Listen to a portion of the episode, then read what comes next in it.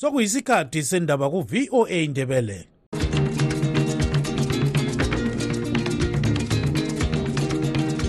amatshono zihlobo siyalamukela kuhlelo lwethu lwezindaba eziphathelane lezimbabwe kustudio 7 eya voice of america sisakaza sisewashington dc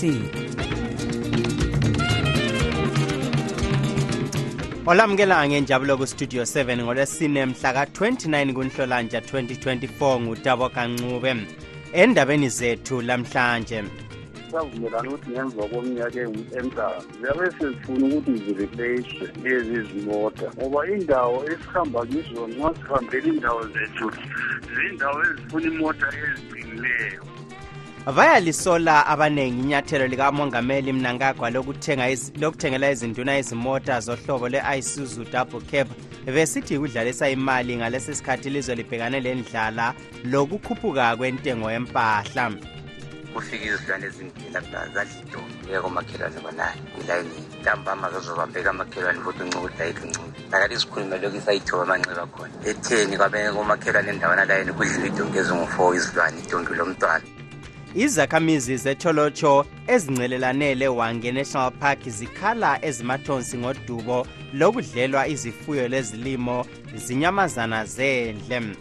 Amanani ethulwe luhlangothi lukahulumende lwezimstats namuhla aveza ukuba elezimbabwe liqhubeka lisebenzisa imali eningi ukuthenga impahla ebalulekileyo egoqela ukudla phandle kwelizwe.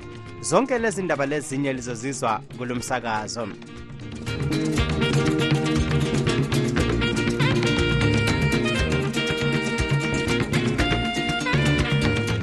amanani ethulwe luhlangothi lukahulumende lwezimstats namuhla aveza ukuba elezimbabwe liqhubeka lisebenzisa imali eningi ukuthenga impahla ebalulekileyo egoqela ukudla phandle kwelizwe. Ukwedlula leyo eliyitholayo nxa lithengisa impahla zalo kwamanye amazwe okubizwa ukuthi yi-trade deficit. Izimstat ithi ngozibandlela izimbabwe ithengise izinto ezigoqela igolide igwayi kanye lenickel. Ama-exports yathola amadola aphezu kwezigidi ezingamakhulu amahlanu 540 million us dollars kodwa limali ibikwa incane kulaleyo ethengwe ngayo umumbu amafutha ezimota izimota ngokwazo kanye lemitshina etshiyeneyo ama-exports ama-imports angena ku 692 million dollars. Lokhu kuchiye ilizwe lisesikhaleni lisilela ngemali edlula izigidi ezilikhulu i-152 million us dollars kubike inkundla yenewswire. Kodwa isikhala lesi sincane kulaleso ebesikhona ngompalakazi nyakenye ebesingena ku-266 million us dollars. Ingcwethi zithi ukungalingani kwemali esetshenziswa izimbabwe ukuthenga impahla phandle laleyo eyitholayo nxa ithengisa okwayo kwamanye amazwe kuveza sobala ukuthi umnotho waleli awumanga kuhle.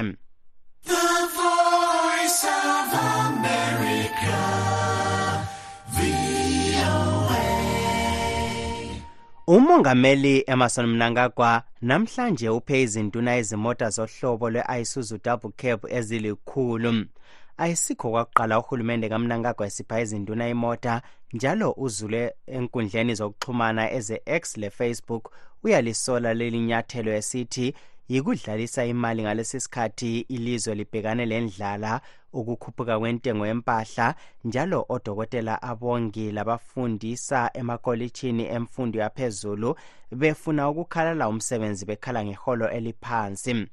Umkhokheli wedale lezinduna olwe-chiefs council unduna mtshana khumalo uthi izimota lezi zathengwa kudala. Ziqakathekisa izimota lezi ngoba sivele ngemva kweminyaka emihlanu savumelana ukuthi ngemva kweminyaka emihlanu ziyabe sezifuna ukuthi zireplace lezi zimota ngoba indawo esihamba kizo nxa sihambela indawo zethu zindawo ezifuna imota eziqinileyo okwesibili yikuthi imota lezi kazi azikudwanga khathesi. Zafakwa kubhajethi e- eyomnyaka ophelileyo. So bephuze nje ukubuya kuphela. So asomota ezithakiswe ukuthi imali yakhona ukuthi zithengwe idingwe khathesi ngoba sekuqalisa idlala hhayi yikuthi ndaba nje nxa into ukhatshana kiyo uyabe ungakwazi ukuthi ukuhamba njani. Kodwa thina sizibona ziqakathekile ngemisebenzi esiyenzayo kuhambela indawo zethu. Uyabona liyakwazi ukuthi kulezi nsuku imigwaqo lesemakhaya ivele kayihambeki ngezimoto. So nali imoto ama-ayisuzu-ke zingconywana nxa uhamba ngazo endaweni ezingalamgwaqo olungileyo. Lo ube ngumnumzana mtshana khumalo umkhokheli wedale lezinduna ele-chiefs council exoxa ecingweni le-studio 7 sixhume njalo olandela ezombusazwe njalo engunobhala webandla le-freedom alliance umnumzana nhlanhla moses ncube. Asisoli ukuthi izinduna zibe eh, lezimota kodwa uhlupho yikuthi uhulumende ufuna ukuthatha izinduna enze angathi uyazithenga ukwenzela ukuthi zenze umsebenzi eh, oyabe ungowezandla. Yikho lapho esisuka sikhathazeke khona. Eh izinto ngendlela okumele zenziwe ngayo kazenziwa. Uzulu udla imbuya ngothi kule ndlala uhulumende induna ngabe uyazihlonipha ngabe ukuthi umhlaba ngowezinduna laye uhulumende akhokhele izizinduna. Hhayi ukuthi uhulumende abe mkhulu okudlula um izinduna. Uzama ukuthenga izinduna kuyinto esiyibona thina um ingaqondanga. Abanye bathi imota lezi zithengwe ngesikhathi esingayisiso bekhalakhala um enkundleni zokuxhumana. Lina likubona njani lokho? Ezibhedlela abantu bayafa ezibhedlela. Akalandaba lakho lokho. Kufuneka kuphela kuphela into okubonakala ukuthi ingenza ukuthi izanu iwine. Ngoba icala elezinduna zingakuthabela ezinye icala lazo yikuthi yizo eziphila labantu okufune ukuthi kabayevotela um izanu. So-ke thina izisebenzi simi lazo sithi izisebenzi kumele zihole ngendlela eqondileyo ukuthi loba kunakekelwa izinduna kodwa kube yinto um elebhalansi hhayi ukuthi izinduna zenziwe kube ngathi ziyaxexebulwa ebantwini bazo. Abantu bazo balambile zona beseziphiwa ukudla. Kufune ukuthi abantu baze bagcine sebekhala ngezinduna. Nguhulumende odala uqhekeko um esizweni owenza izinto ngendlela enye kufana lo muntu ma engumzali afuna ukunika omunye umntwana izinto ukuze abanye um babe sebehawukela lwana osephila akulethi ukuthula elizweni okuyizinto okunjengakhona lokho umnumzana nhlanhla moses ncube ulandela ezombusazwe njalo engunobhala webandla le-freedom alliance ubexoxa ecingweni le-studio 7 ese-south africa.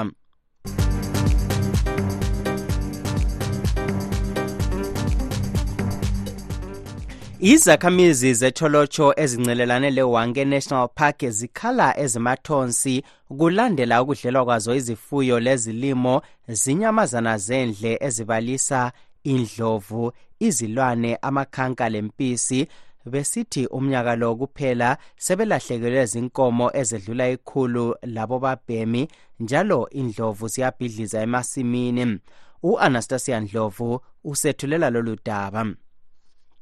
Izakhamizi zecholotsho north esilongwe sezihlalele evalweni kulandela ukuhlaselwa kwezifuyo zazo zinyamazana zendle esezitshabalalise esigabeni kulandela ukuphuma kwazo ewange national park zizodinga amanzi. Isakhamuzi sesilonkwe line umnumzana deka ncube odlelwe obabhemi kwasila oyedwa ukhala ezimathonsi ngokudlelwa izilwane. Sihlangana lohlupho lwezinyamazana ompisi labozilwane nje vele into esezihlala khonapha phakathi kwethu. Umnumzana thembani mabaso mlilo esinye njalo isakhamuzi secholotsho north udlelwe inkomo eziyisithupha ngelanga elilodwa. Uhlupho vele lona solulesikhathi sibili kodwa okwalonyaka kungathi kuphambili ngoba izilwane zifike indawo ezingajwayelanga ukuyifika. Kithi njengakhonapha esilongo amsure sezilabo u-ten years zingasakwazi ukufika umnumzana khumbulani mlilo wephumula laye ukhala ezimathonsi ngesibaya sembuzi esesivaliwe lokudlelwa amadonki zinyamazana zendle. Asela mbuzi kahle esigabeni sethu lapha imadonki kunje inkomo. Izilwane lapha vekulensuku sezihlala zikhona ngoba izilwane zibamba le mini. Siyakuthathela la uyelusile umnumzana eliot ndlovu uthi sebesele bengabayanga njalo bacela uhulumende abancedise ekubavikeleni kunyamazana zendle. Thina silezinyamazana ezidla inkomo zilwane sibuye sibe lendlovu. Zidla wona amabele esiwalimleyo asikhompasethwa sesendlane sesingabantu abalahliwe sesilamba. Usobhuku wesilonkwe line umnumzana dumisani luphahla uthi sebebikele uhulumende ngalolu dubo. Kufika izilwane ezindle lapha zadla idongi yeke komakhelwane khonayo ilayini ntambama zazobambeka amakhelwane futhi uncukuthi ayikho uncukuthi nakati isikhulume lokhu isayithiwa amanxeba khona etheni kwabeke komakhelwane endawana layini kudliwa idongi ezingu-four izilwane idongi lomntwana. Yathatha three days aphinda futhi idongi lomntwana. Ilunga ledale lephalamende unkosikazi sethulo ndebele uthi ugatsha olubona ngenyamazana zendle sokumele luzigole izilwane zivalelwe ngoba ziyagcina sezihlasela abantu ngokuya kwamalanga. Silesifiso sokuthi indaba yona leyi abe-national park bayilungise ukuze zivalelwe zingazi phakathi kwabantu ngoba zizaqala zisadla izifuyo zigcine sezingenela labantu. Kulandela ukusilela kwamanzi ngesizathu sokungani kuhle kwezulu inyamazana zendle seziphuma epaka zisiya emakhaya lapho ezifika khona zihlasele izifuyo lokudla emasimini njalo sezinatha emachibini lapho okunatha khona izakhamuzi. Isikhulumi se-national parks and wildlife umnumzana tinashe farao kaphendulanga imibuzo ayithunyelwe yistudio 7 njalo ubengasaphenduli umakhalekhukhwini wakhe zaze saya emoyeni. Kodwa izakhamizi zithi zikhangelele ukuhlawulwa nguhulumende ngoba lazo zingathatha umthetho ziwufake ezandleni uhulumende kaphuzi ukuzibopha. Ngimele umsakazo westudio 7 ngisecholotsho ngingu-anastasia ndlovu.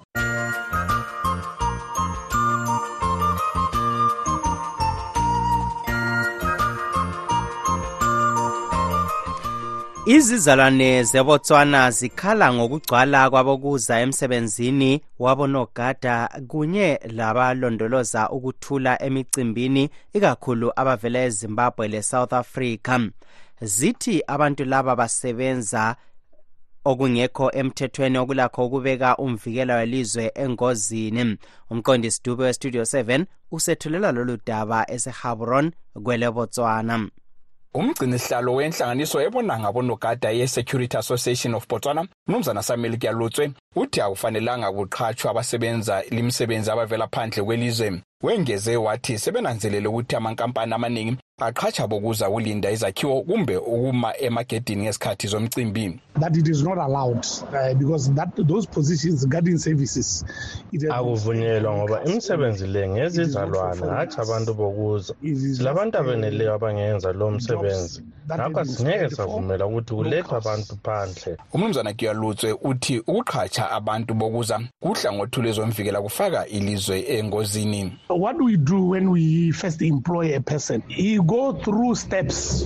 One of the steps kumele wenelise ukuthi umthathe isithupha njalo wazi ukuthi uvela ngaphi. njalo kumele abe lencwadi zalapha. Umuntu ongalakho lokhu uyingozi kodwa owezimbabwe okumdlalo wokwakha umzimba ngokuphakamisa insimbi owe-bodybuilding mnumzana last sithole kavumelani lo mnumzana kuyalutswe ikakhulu kudaba lokuqhatshwa kwabalinda imicimbi. Being a bouncer it's a job that is angitholi ukuthi kungani sithi akumelanga basebenze njengamabhawu lo ngumsebenzi ophiwa umuntu obumbekileyo.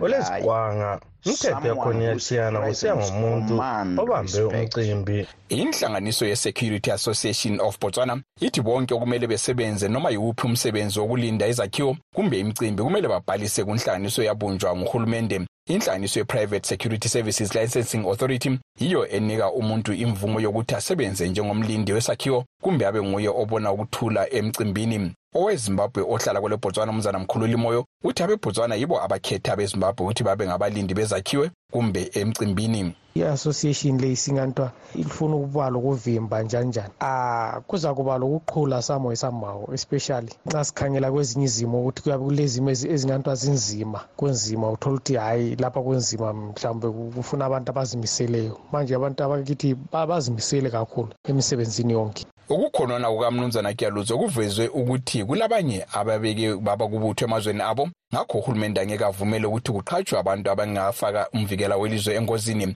ngeviki edlule umongameli mkhwetsi maswiswa kwele botswana kube sidla amalahle ngemva kokuba amalunga edale lephalamende yelizwe lakhe esole imizamo yokuthi abezimbabwe bangene kwele botswana besebenzisa izithupha hatshi ingwalo zamapassport abezimbabwe bathi bafuqwa isimo esingamanga kuhle somnotho ekhaya ukuthatha noma yiwuphi umsebenzi ongabaphilisa kwamanye amazwe. Ngingumqondisi dubo wendaba zestudio 7 ngisabron kwele botswana.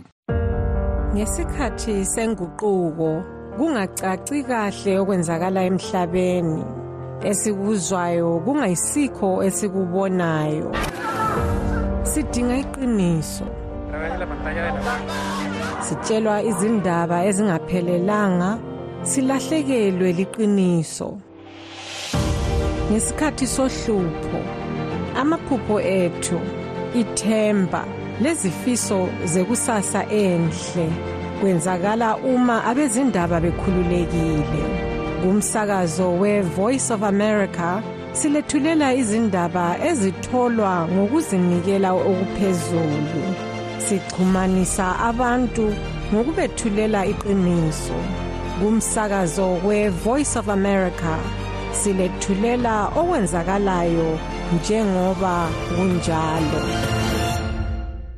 Amanye amalunga ebandla leZANU-PF athi ayasekela uhlelo lukahulumende olusaqhubeka olokuxazulula udaba lwegugurawundi oluzakhokhelwa izinduna ezigabeni zazo olusolwa ngabanye abakumabandla aphikisayo labalwela ilungelo loluntu besithi aluqhutshwa ngemfanelo kubikwa kwabulawa inkulungwane lenkulungwane zabantu ngesehlakalo segugurawundi. Ilizwe lisanda kuthola uzibuse ikakhulu ezigabeni zemathebeleleni le-midlands uhulumende aze athumele ibutho lakhe le-fifth brigade.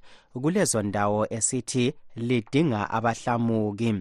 Kungxoxompikiswano yokuhlaziya lolu daba silomnumzana namsongelwa ndlovu isikhulumeli sebandla lezaphu lomnumzana dube mkhombwe ilunga lebandla lezanu-p f belosithandekile mhlanga westudio 7 umnumzana mkhombwe nguye omqalisa siziba ngiyavumelana nohlelo lolo lwegugurawundi ngoba singakhangela thina sizalwa sisiye esikolo sathola lolotshiwe emabhukwini kukhulunywa ngakho. So kuqakathekile ukuthi uhulumende okhona namhlanje obababa eighteen nankagoti indaba le ike ikhulunywe. Nxa kusenza abantu beqinisana imilota abantu baxolelane siye phambili sakhe ilizwe lethu ngoba izilonda zingayekele ukubhoboka ukuthi zibhodle izilonda. Zizalimaza abazukulu lezi izizukulwane zethu. Siyakwazi ukuthi nxa konakala izinduna njengoba yizo eziphethe uhlelo lwakhona sile-department ye-reconciliation silokho singiyavumelana lakho mnumzana ndlovu uyavumelana yini lo mnumzana mkombo? Bekumele kwenziwe lokho siyavuma siyabonga ukuthi sokwenziwa. Eh kodwa iphutha elikhona ngelokuthi siyazi sonke ukuthi iminyane ayelaphi imalaria. Siyakwazi sonke ukuthi umthakathi akayelaphi akusiyo nyanga kulethihamba kweripoti eyaluyenzayo lolu hlelo uhulumende lo akafuni layo ukuthi vele seyaziyantshontshwa thina abezaphu abayibo ababehloswe ukubhuqwa sithi uhlelo lolo aluqhutshelwa ukuthi luvale izilonda ezikhulunywa ngubaba umkombwe. Uhlelo lolu lwenzelwa nje ukuthi bachithe ubufakazi bonke obukhona ukwenzela ukuthi bazigezise bona laba ababulala abantu nanso-ke indaba mnumzana mkombo.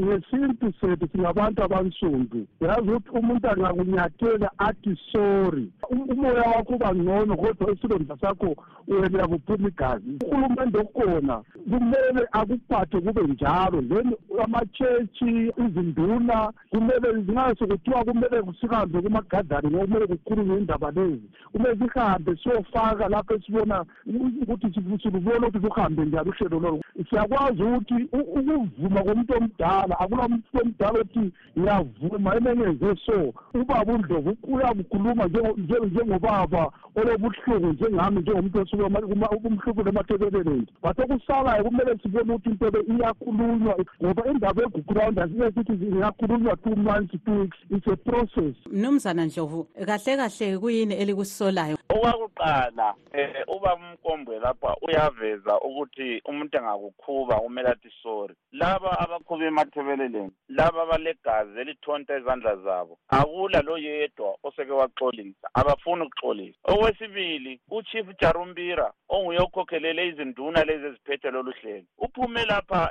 ensukwini ezidlulileyo esithi ugugrawundi le akusiyo genocide akusombhuqazwe. Uthi yena yayiyi-conflict bayavula bona amanxeba into efana lombhuqazwe i-genocide kule ndlela ama-template amaningi e-south africa bayenze ethiwa yi-truth and reconciliation commission. Kwavala amanxiba amaningi ngoba abantu babuya bale ethiwa ngesilungu sensieri khathesi irwanda sikumzekeliso omkhulu e-afrika ngoba abantu bathatha indlela amanyathelo aqondileyo engasiwo akhokhelwa ngabantu ababe bayenza amacala. Awusoze ukuthi umuntu onguye obephethe imkhonto egwaza uyihlo lonyoko. Kusasa abuye yena athi hayi asikhulumisane. Abuye athathe lesitulo esemzini wakho. Lapho agwazela khona uyihlo ahlale phezu kwesitulo uhlale phansi. Akula nto enjalo. Uzachiya lesi silonda sikhona and uzasenza sibe worse. Kube lama-terms of reference lokuthi i-end product izaba yinto enjani. Khathesi akula. Umuntu kuthiwa sihambeni emaphandleni siyekhulumisana nje. And abantu as i speak bayesaba ukuphuma egcekeni bakhulume okuliqiniso ngoba uhlelo lolu luphethwe nguye uhulumende onguye olecala mnumzana mkombo.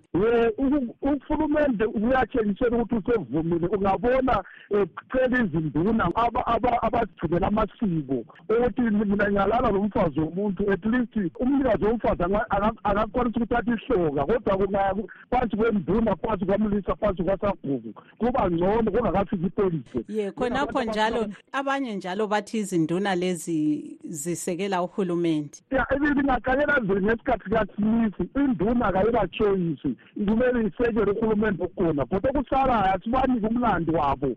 Sibona ukuthi nxa kusehlula sehlule kuqalisile. Nxa kuyukuthi thina sehluleke ababuyayo bazaqalisela lapho esitshiye khona abanye. Mnumzana ndlovu ungasigqibela lingxoxo. Izinduna lezi siyazicela thina nxa bezalalela kulelo hlelo ukuthi nxa kuzaqhubeka uhlelo lolu bengathengisi abantu babo. Abantu abachithekelwa ligazi abantu abaleleyo ngabalalanga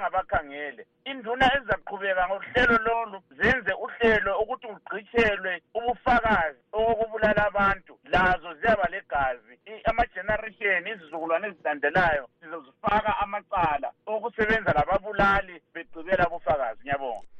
Lo ngumnumzana msongela ndlovu isikhulumeli sebandla lezaphu obexoxa endawonye lomnumzana dube munkombwe ilunga lebandla lezanu p f lo sithandekile mhlanga owestudio 7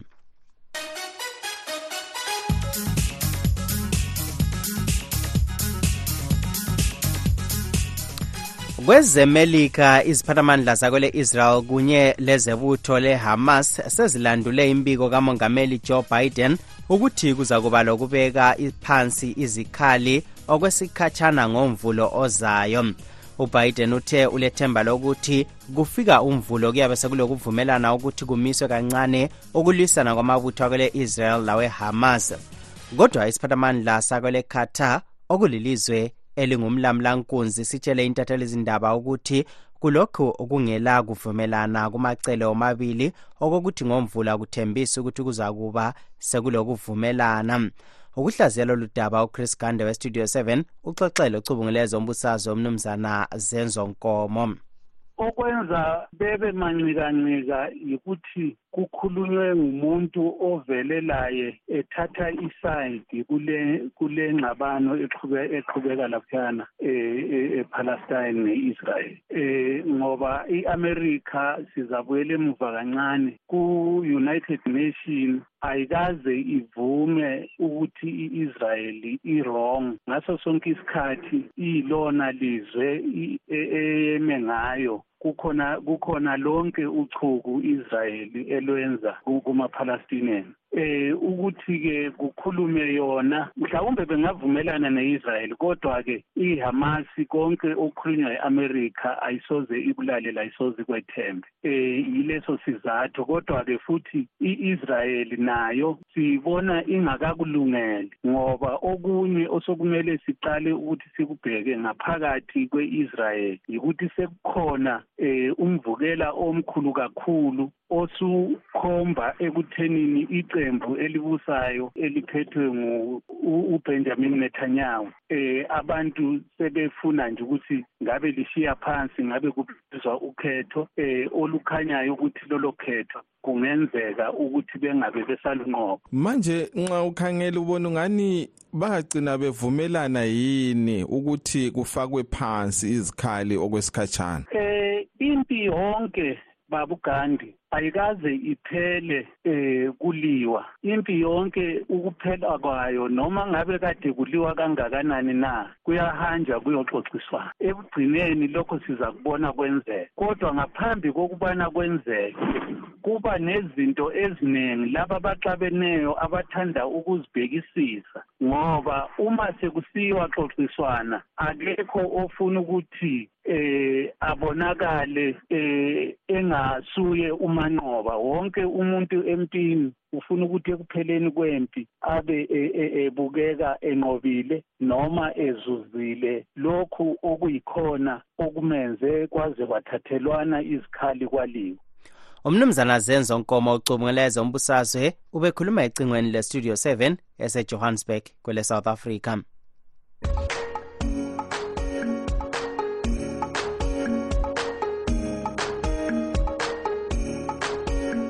Okwamanje wothi sizwe imibono yabanye benu lina balaleli bestudio 7 studio 7 studio 7 siyabingelela zonke indawo studio 7 qhubekani mphume endaweni eselipani ngiyabingelela konke. Studio 7 lonke studio 7 ngiyabingelela siyabonga. Eh amachona amachona ama-studio 7 linjani lonke ngezindawo? Eh hayi siyabona ukuthi sokunama-changes lapha ku-studio 7 eh sikhathazeke kakhulu eh ngama-changes akhona kulo studio 7 ngoba imbono yethu ayisanikwa sikhathi esifa. Esifanele njengasemuva. Sokunciphe kakhulu isikhathi seni ma-studio 7 lisinciphise kakhulu kokuthi thina singabalandeli baka-studio 7 eh abalandeli belizwe sifuna ukulungisa ilizwe lethu eh ngemibono yethu esinayo. Kuhle kakhulu ukuthi sililungise langemibono eh ethile ngoba wena studio 7 kungwena osihlanganisayo. Sonke sisizwe salapho jikelele noma ukuphi america ukuphi south nakuphi nakuphi sikwazi ukuthi sihlanganise imbono yethu silungise ngoba udaba esingalo yokulungisa ilizwe lakithi yikhona okuqakatheka kwa-studio 7 ukwazi ukuthi asihlanganise eh sibonisane ngembono yethu ukuthi ilizwe lethu sizolungisa kanjani yini okudingekayo ukuthi sikwenze singabantu bakuleli lizwe. So ma selinciphisa isikhathi kakhulu ma-studio 7 singazi njengoba siyezwe ukuthi imithetho kagovernment ivalela ama-journalist ngaphandle mhlawumbe nani sebafikele khona ngapho eh ku-studio 7 bathi linciphise isikhathi sembono yabantu. Sesiyacabangela nje kodwa sazi ukuthi ungabe kuliqiniso naso. Siyacela isikhathi esilingene. Eh noma bengasinikeza nje i-10 minutes kuphela kuzobe sokukhuluma abantu more than 7 8 abantu siyacela sibuyele isikhathi sethu siyasidinga ama-studio 7 studio 7 studio 7 njani? Katshelwe nje ukuthi ulamanga unamanga. Atshelwe nje ukuthi unamanga impela nje ukuthi izimbabwe inakekela abantu kuphi lo muntu le kumele ahambe kubo lo ngicela i-audio yami kibalwe bakithi. Litshelo leli zambia ukuthi uyihlo wadiphothwa ezambia kibo wena uhamba nini? Kambe kubo lo muntu lo mthwakazi lapho khona vuka mthwakazi vuka sicosheni izambia leli libuyele kibo. Mthwakazi omuhle vukani bathwakazi. Nalo mbuluzayo naye ethi umthwakazi kuyini khonokho siyabeza abanye bakhuluma ethi umthwakazi kuyini khonokho yena uyini ngoba engumthwakazi? Esapota into yamashoni please phumani edotini lize ngakini libumbo kwenu lahlala libunjelwa izinto. Wonke umuntu ofuna uku-investa uze emathebeleleni ofuna isonto uze emathebeleleni ufuna uvotela uze emathebeleleni vukani mani. Vusani amakhanda. Studio seven siyabonga kakhulu umsebenzi ongaka. Kodwa-ke eyi sithi indaba zenu bezihlabo sazimnandi kakhulu uma sibambisene sonke. Sizwa abantu bephawula ngapha nangapha amazwe wonke omhlaba okulamazimbabwe khona ahluphekile ahlukunyezwe izandla. So khona kobe kusiza kakhulu ukuthi sikhiphe le mibono engathi ithe ukuthi ucija sikwazi ukuthi sincedisane singamazimbabwe sicela isikhathi sokuphawula abantu bephawula behlaziya sibe sininga nyanyana lisingani liyasengezelela kancane. Kumbe lisibisele amanye amalanga kumbe amathathu ngeviki sikwazi ukuthi lade sikwazi ukuthi siphawuleni sonke sibaningi siyabonga kakhulu. Labo ngabanye babalaleli bestudio 7 besipha imibono yabo. Kulive talk lingakhohlwa uhlelo olulandelayo lapho esikhangela ukuhlukunyezwa kwabesifazane emulini silugqiba ke lapha uhlelo lwehla namhlanje olivalelisayo ngutabo kancube. Sithi lilale